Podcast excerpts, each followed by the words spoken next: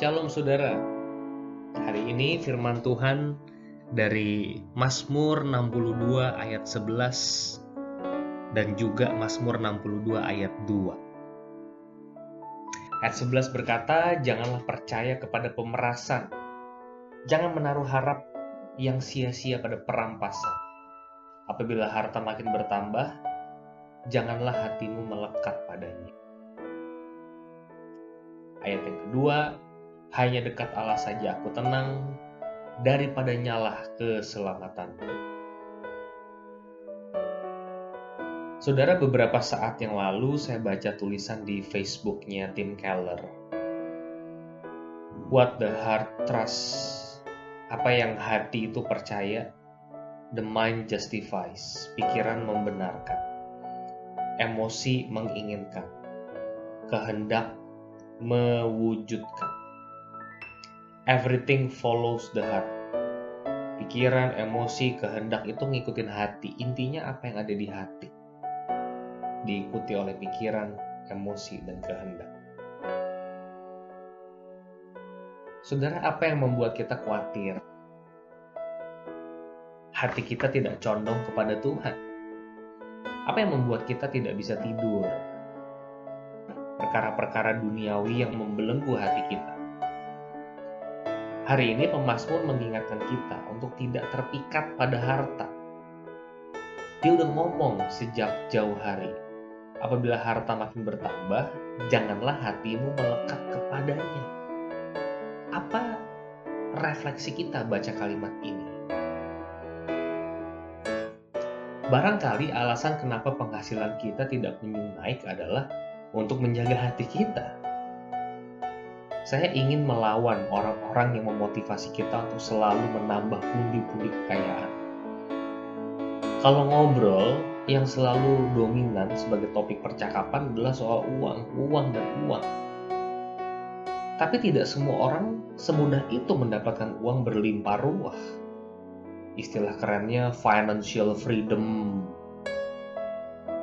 untuk apa sih saudara kita mengejar financial freedom? Bukankah hal itu didorong oleh hati yang tamak?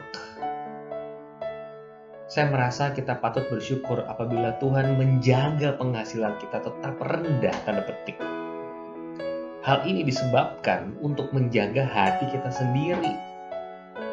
Bukankah Tuhan berkata bahwa Tuhan akan memberikan kita roti untuk dimakan hari ini? Allah itu ingin kita hidup sehari demi sehari, bukan 10 tahun demi 10 tahun. Semuanya ini bersumber dari keserakahan kita. Kedua, saya merasa pemazmur memperingatkan kita bahwa uang bisa jadi alat yang berbahaya. Hati-hati dengan uang. Hati-hati dengan pengelolaan uang.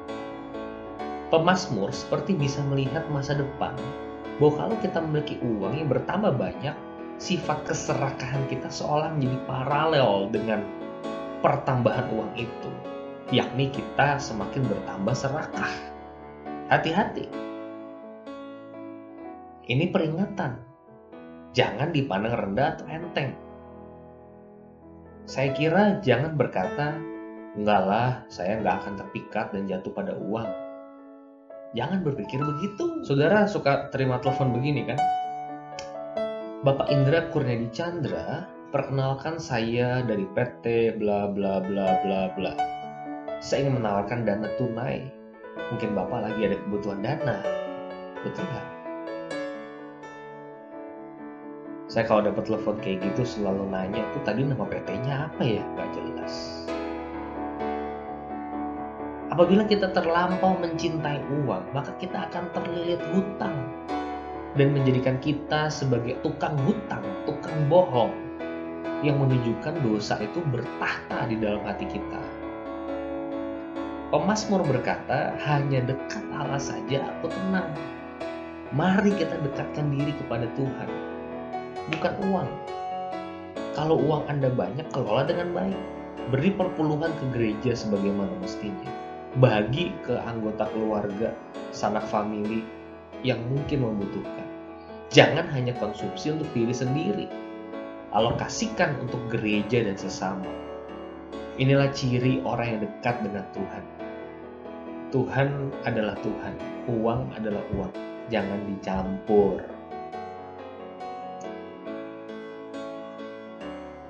Saudara, di hari puasa ini saya ajak saudara berdoa. Tuhan, ajarlah aku bersyukur untuk kecukupan yang kau beri. Berikan hikmat kepadaku mengelola keuangan dengan bijaksana. Kalau ada berkat lebih, jaga hatiku ya Tuhan, supaya tidak terpikat kepadanya. Dalam nama Yesus, amin.